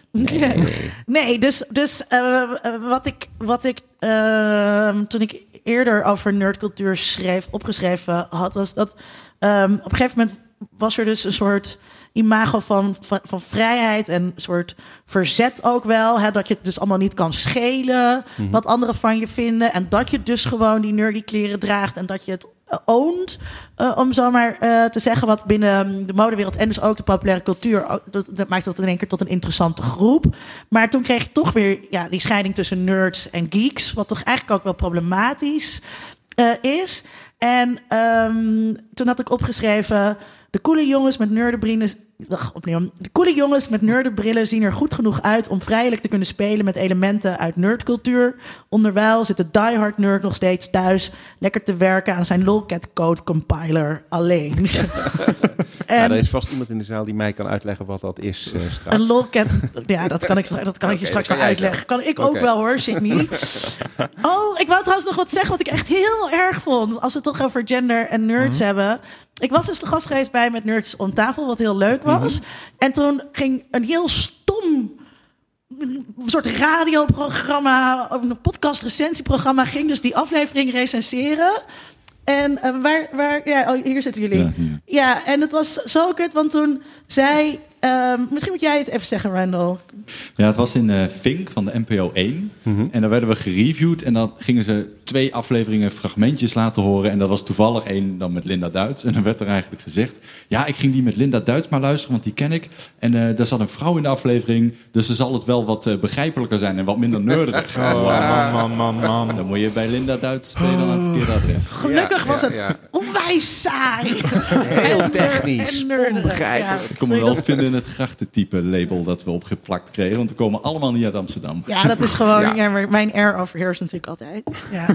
Sorry, wat was je vraag ook alweer? Dat wou ik nog even zeggen. Ehm, wat was de vraag ook alweer? Nou, ik wou eigenlijk, weet ik niet meer wat de vraag was, maar dat horen we wel als we de aflevering terug luisteren. Of, of ner- nerds en geeks eh, de aarde geërfd hadden of zo. Oh ja, of, eh. de- of, of, of, of wij de aarde geërfd hebben. Of Ik- wij ik- dus zeg maar de, de, de nieuwe eh, top of the food chain eh, zijn geworden. Het bedrijf hebben in ieder geval heel veel interesse. Ik weet niet of dat Mhm. betekent dat, dat we de aarde geërfd hebben. Maar dat in ieder geval dat ze doorhebben dat we besteedbaar inkomen hebben. Ja, Ehm, en daar heel erg goed om in weten te spelen. Ja, ja, ja. Ehm, maar of dat een win is, weet ik niet per se. Ik bedoel, ik, wie zit er te wachten op elk jaar een Star Wars of een Marvel film?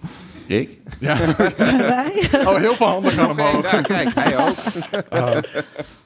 Ehm, wat is eh, voor, voor de zaal? eh, ehm, zijn er mensen die, die echt iets eh, hebben meegemaakt waarvan ze zeggen van ja, toen werd ik heel erg mee geconfronteerd dat ik gewoon best wel een nerd ben en eh, dat ik dat ook own. Ja, misschien Tom al. Huh? Ja, jij zit al te knikken. Oh, nee, Oh nee, oké. Eh, iemand in de zaal. Is iemand in de zaal die Ja, zegt ik ben iemand in de zaal. Kijk, daar is iemand in de zaal. Oh, zwerf. Een echte Een van, die, nerd. een van die Tech 45 Ja, alweer Take 45. Eh, Dus namens Take 45. eh, nee, ik merk dat ik ben, eh, ik ben eh, webdeveloper en op het werk merk ik soms dat mensen denken en dan, dan, dan, dan word je er echt mee geconfronteerd van hetgeen dat ik leuk vind, is iets wat andere mensen denken dat niemand leuk vindt. Hmm. En dat is zo'n moment dat je denkt van, ah ja, oké, dan ben ik de nerd. Ik kan je een voorbeeld geven. Eh, bijvoorbeeld, ik ben gisteren toevallig eh, was ik eh, database queries aan het optimaliseren, want sommige dingen gingen heel traag. En, eh, As one en het was, vier uur, het was vier uur in de namiddag, het moment waarop veel mensen denken op het werk van ah, we, gaan, we gaan naar huis, we gaan een pintje drinken en, en zo'n dingen. En ik dacht, hier zit ik. En ik, ik, ik was op de Slack van, van, wat wij hebben op het werk ook een Slack. Bij Tech45 hebben we ook een Slack trouwens. Eh, Goeie plug, goeie plug. en eh, daar, daar eh, was ik aan het zeggen van, ja, ik heb het hier en ik heb dit. En ik dacht dat gecommit op de repository. En, ik dacht, en toen dacht ik van, het is vier uur op vrijdag en ik zit hier te, ja, toch lichamelijk opgewonden te wezen. ik, Ah, kijk. dat ik hier echt iets, iets super cool heb gemaakt, vind ik.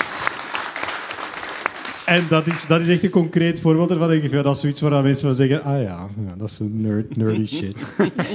en dat is iets waar inderdaad 30 jaar geleden zou, zou dat echt gênant zijn, maar nu zeg ik dat hier, denk ik. Je hebt, het, je hebt de lach van de dag ermee Voilà. gekregen. Ja, in, in dit gezelschap wel. Ja, ja. Ja, coming out. Al die vijf vrouwen storten zich straks op je bij de bar. Ja. Ja. Oh, er is nog een, eh, iemand die iets wil zeggen uit de zaal. Dus we, zijn, we wachten in spanning nu af wat dat is. Nou, ik heb toevallig van de week voor een klant een computer ingericht. En ik had Ja. dus voor haar een nieuwe laptop gekocht. Ze is een eigen bedrijf begonnen. Hop. Ik maak dat apparaat open om daar wat geheugen bij te prikken en een SSD in te bouwen. En ik heb haar een foto gemaild, eh geappt, sorry, van de binnenkant. Ze zo van, kijk eens wat een mooi apparaat. en toen had ik ook al zo'n slik momentje van... Hmm. oké, dit was niet wat zij verwachten. Nee, nee. Ander soort schoonheid. Ja. Ja, maar ik denk dat dat wel inderdaad een, een herkenbaar iets is. Oh, er is nog iemand. Ja, oh kijk, nou dat is goed, want Nou ja, als ik nu kijk, ik werk in een zorginstelling, dus ik zie van alles en nog wat heen en weer gaan, ook qua apparaten en dergelijke. En ik stond in een of ander magazijn en dan zie ik een serverkast staan. Met daarvoor een of ander matras waar aan de zijkant staat, waar keurig netjes tegen de deur aan gepleurd is, waarvan ik denk, die kast is nu heel erg zielig, want hij krijgt bijna geen lucht van buiten en hij kan niks. En dan, dan denk ik alleen maar van, oké, wacht even. Maar broer die begrijpt dit ook. Dan maak ik een foto en dan zet ik het daarin en dan reageer hij terug. Ja, dat doen mensen ook. En ik denk alleen maar van, ja. wat ben jij aan het doen? Ja, dat is wel interessant, want eh, wat, we- wat, wat we dus horen is dat de mensen eh, eh, voor een deel zoiets hebben van ja, ik, ik, ik kan eigenlijk wat makkelijker naar anderen toe laten merken dat dit mij best wel opwindt. Een, een foto van een, van een moederbord of een, een, een arme, arme server die geen lucht krijgt. Maar tegelijkertijd zit er nog wel een klein beetje zoiets in dat ze zich ook wel bedenken van nou, maar ja, het is ook niet helemaal... helemaal Ik, ik, kijk mij aan, maar ik ben, Ja. de, ik ben de verkeer. Want ik val onwijs op nerds. Ik Nou. heb ook wel eens echt dus dat ik in, eh, in, eh, in de oude Studio 80 was. Wat een club was hier in Amsterdam. Dat er een jongen stond met een bril. Dat ik naar hem toe ging. Ben jij een nerd? En die jongen dacht alleen maar, oké, als jij dat wil. dat, ja, dus, en ik vind... Ja, ik ben wetenschapper, dus ik vind kennis sexy. Mhm. En ik vind mensen die dingen weten eh, sexy. En ik was ook wel een beetje opgewonden door wat Toon van de Net zei. Kijk, ja. Dus, dus, ik bedoel, en, ja, dus ik ben niet de goede persoon om daarvoor te Nou, er worden nu nummers uitgewisseld. Een, Ehm, een van de nerds duwde nu Toon mijn kant op. Wat helemaal niet stereotyp gedrag is. eh. Is dat ook verkrachting? Misschien wel aanranding.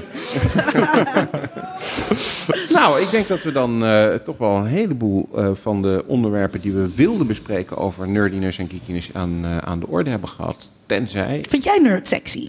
Ik vind nerds heel sexy, ja, zeker. En jij, Ja. Met, je, met je knappe wel. vriendin? Ja, mijn knappe vriendin houdt niet zo van nerdy dingen als ik, maar dat, dat komt wel goed. Ik sleep er overal mee naartoe. En dan, Ja. vindt ze- dan zit ze naast van, ja schat, is goed. Je vergeeft het er. Ja. Oké, jij nog dingen waarvan je zegt van nou, dat hebben we nou niet besproken? Nee, hè? Mm, nee, ik heb heel veel gepraat, dus Ja, ik ben tevreden. Ehm, nou, dan denk ik dat we dat onderwerp wel eh, grotendeels gehad hebben. Voor de luisteraar thuis, eh, dit is het live onderdeel. We zitten hier in de Bali met een heleboel eh, nerds en geeks en eh ander soort mensen die die termen misschien niet op zichzelf willen plakken. Ehm, eh, we gaan nog, eh, als we straks hier klaar zijn, eh, een ander deel van onze podcast opnemen. Ja, want misschien voor de, voor de mensen in de zaal, wij doen ook altijd een vooruitblik en een terugblik op populaire cultuur. Wij hebben niet genoeg aan drie kwartier of een Nee, uur. er zijn veel, dus veel we gaan, de daadwerkelijke aflevering duurt nog een stukje langer. Ja. En dan gaan we nog hebben over onze tips qua series. Ja. Vooruitblik, terugblik. Ja. Dus zelfs voor de mensen hier in de zaal.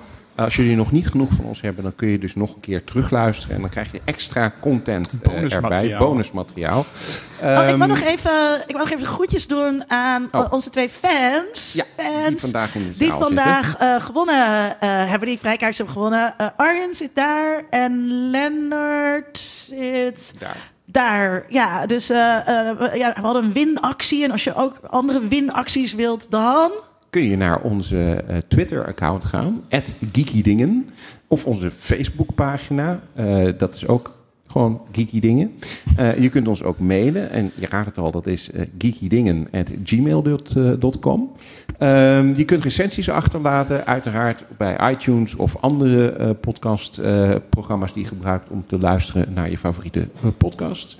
En als je denkt van nou, die Linda die heeft, eh, die heeft best wel een mening ergens over, dan kun je Linda vinden op eh, ik ben Ed La La La Linder, dus drie keer La en dan Linder. Ja, en Tom heeft ook een eh, eh, Twitter-account. Ed Tom Aalmoes. Heel Heel- simpel. heel saai. Ja, Ja. Heel, heel makkelijk te vinden. Ja, mij kun je ook vinden op Twitter, advocaat Smeets. Ehm, volg ons daar en eh, ga met ons in gesprek. Als je nou denkt van nou deze eh, aflevering over nerds en geeks, eh, daar hebben jullie echt iets laten liggen. Nou, laat het ons weten. En eh, wie weet komen we er de volgende keer op terug.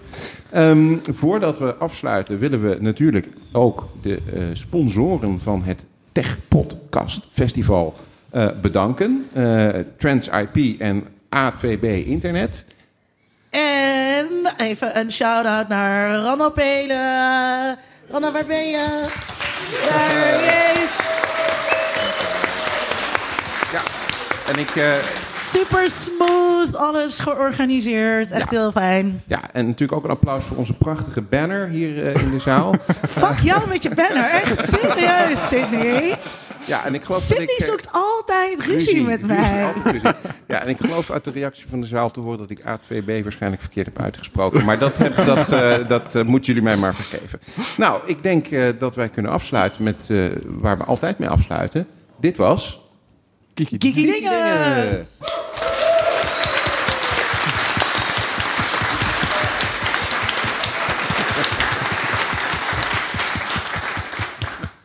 In a world. In a world. World. World. World. In a world. Nou, eh, uiteraard sluiten we onze aflevering af met een vooruitblik op eh, wat er de komende tijd zoal te doen valt in de geeky wereld.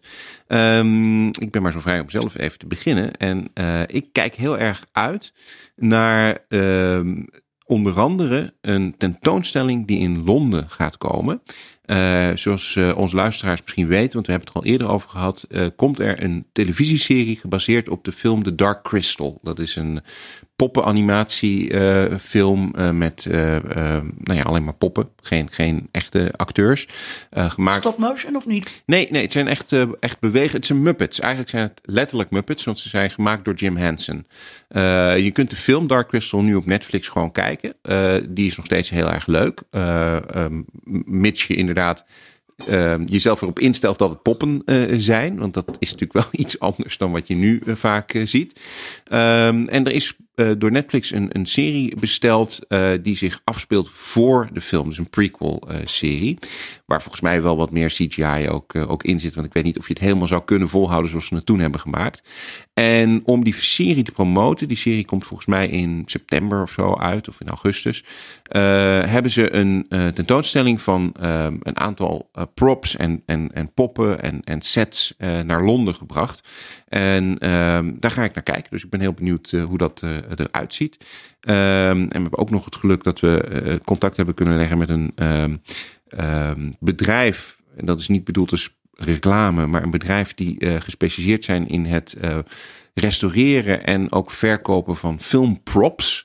Dus ze hebben bijvoorbeeld een, eh, een model van de Enterprise uit de Next Generation. Hebben ze helemaal gerestaureerd. En dat gaan ze dan voor heel veel geld verkopen. En eh, die hebben een, een, een eh, hele grote opslagplek. Waar allemaal die props worden opgeslagen. En daar mogen we een kijkje nemen. Dus dan kunnen we een beetje vertellen wat daar dan allemaal eh, te zien is. En hoe ze nou omgaan met die geeky eh, props die ze hebben. Want het zijn bijna altijd props van, eh, van films die iets, iets geekies hebben. Want daar zit natuurlijk het geld ook. Dat zijn de dingen die we willen verzamelen.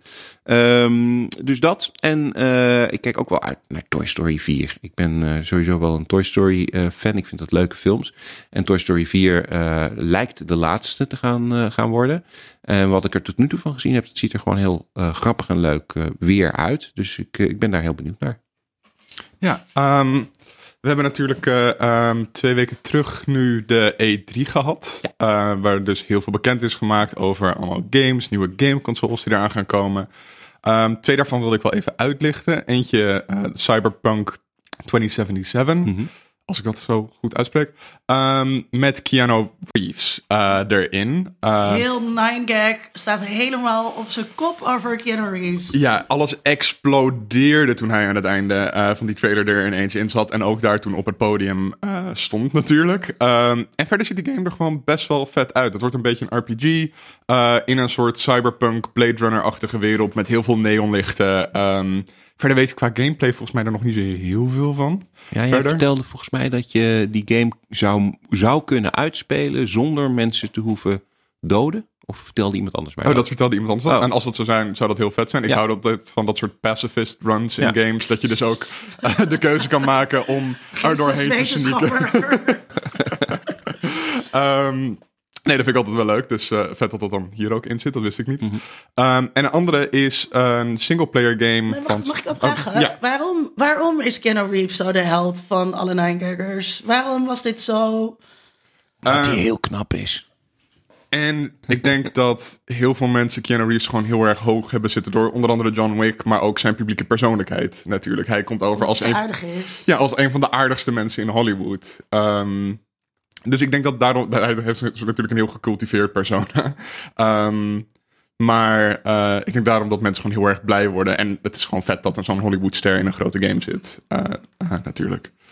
Ehm, ja, en die andere game was dus Star Wars Jedi dubbele punt Fallen Order. Yes. En dat speelt zich net als Star Wars games zoals The Force Unleashed af tussen 3 en 4. En je speelt met een van de laatst overgebleven Jedi's ehm, tijdens de opkomst van de Empire. Ehm, het lijkt me ook gewoon heel erg tof om te spelen. Om daar gewoon eh, in rond te kunnen lopen. En niet in een soort multiplayer game. Want daar ben ik normaal niet zo van. Nee, de Jedi wordt gespeeld door Cameron Monaghan. Die heeft ook al eerder eh, geeky dingen gedaan door de Joker te spelen in de Batman eh, televisieserie Gotham. Mm. Doet hij ook best wel goed.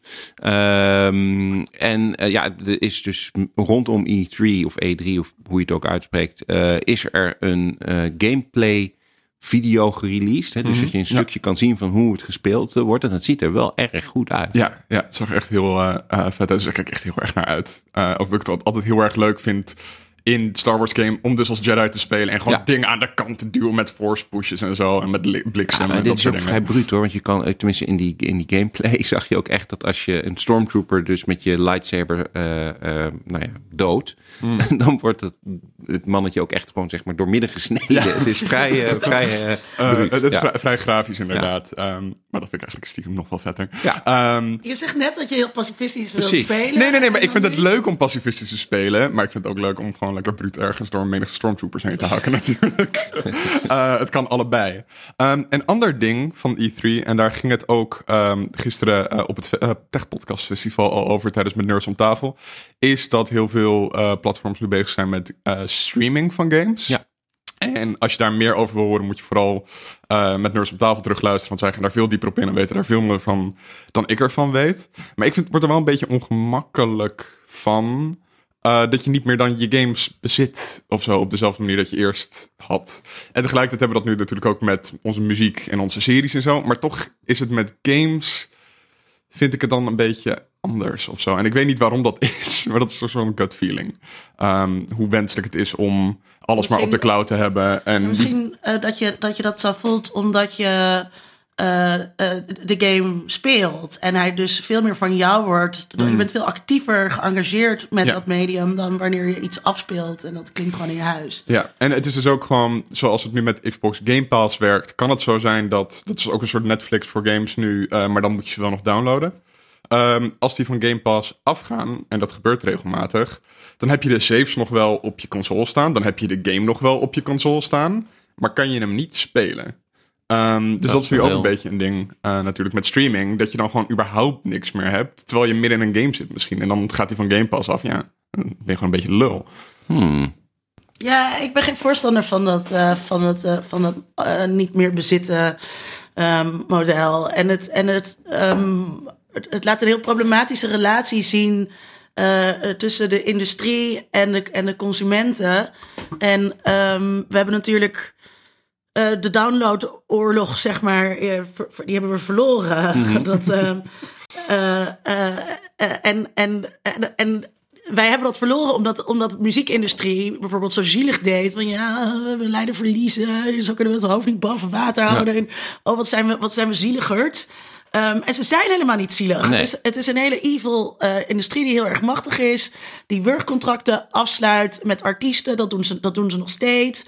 Eh, die nu artiesten die nu 360 eh, graden contracten hebben, eh, waarin die artiesten ook niet meer van zichzelf zijn, zeg maar. Dus, ehm, en dat, ja, dus, dat, dus een hele generatie groeit nu op met media die ze dus nooit zullen bezitten. En, en dat je dus ook op alle andere manieren, dus eigenlijk je telefoon bezit je eigenlijk ook niet echt. Hè? Dus hoe Apple ervoor zorgt dat je altijd moet, moet, omdat je moet updaten, dan op een gegeven moment doet je telefoon het niet meer. Dus dan moet je weer een nieuw model kopen.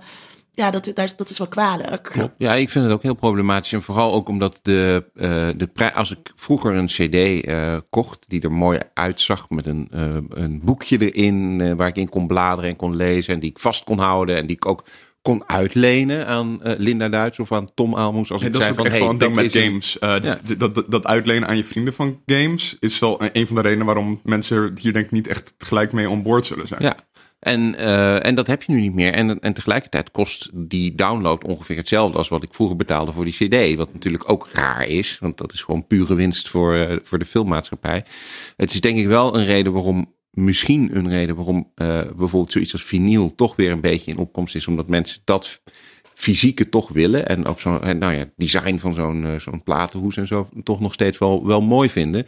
En ja, ik, ik, ik heb hetzelfde zoiets van, ja, ja oké, ik betaal dus voor iets digitaals wat eigenlijk volstrekt niets is. Ik kan het afspelen, maar als ik mijn telefoon kwijt ben, dan ook niet meer. Eh, ja, dus ik ben ook benieuwd of dat, of dat nou echt een ding eh, kan blijven of worden. Game Pass is wel echt een succes op Xbox nu. Ehm, ik heb het zelf ook, omdat ik nu dus net pas een nieuwe console heb. Dus dan is het heel handig dat je een tientje per maand betaalt. En dat je dan heel veel games kan spelen. In plaats van dat je allemaal losse games van 30 euro in één keer Mhm, moet kopen. Eh, dus ik snap de appeal ervan wel. Ehm, maar ik wil nog steeds wel andere games blijven kopen natuurlijk. Misschien moeten we er eens een keer een aflevering ook over maken. Want dat is natuurlijk hetzelfde met Netflix en al die dingen. Die streamingdiensten, daar staat een film op, maar op een gegeven moment ook niet meer. En sommige films wil ik nog steeds hebben. Dus ik koop ook nog echt af en toe wel Blu-rays. Maar er zijn heel veel mensen die dat heel raar vinden dat je dat doet. Eh Ja, vind ik raar. vind jij raar, hè? Ja. Raar. ja, nee, daar heb ik niet mee. Ehm, ik, eh, ik kijk eh, uit naar het tweede seizoen Happy, eh, wat op Mhm. Netflix staat. En ja, dat. Dat. Kort. Kort, kort en krachtig. Verder niks. Verder niks. Oh. nou, luisteraar, dat was dan weer de aflevering voor deze keer. We hopen dat je ervan genoten hebt. En als dat zo is, dat je dan uiteraard een leuke recensie ergens achterlaat. Of dat nou op iTunes is of ergens anders. Of dat je met je vrienden deelt, ondanks dat dit geen fysieke media zijn of medium is. Je bezit je podcast tegenwoordig ook al niet meer. Precies. Ehm, of stuur ons een eh, mail, kikidingen.gmail.com. Ook als je bijvoorbeeld een tip hebt eh, over iets waarvan je zegt, ja, daar moeten jullie het nou eens over eh, hebben. Ehm, de volgende keer gaan we het hebben over Een seriemoordenaar. seriemoordenaars en hoe geeky die wel niet zijn. Zin in. Zin in. Nou, dit was Kiki Dingen.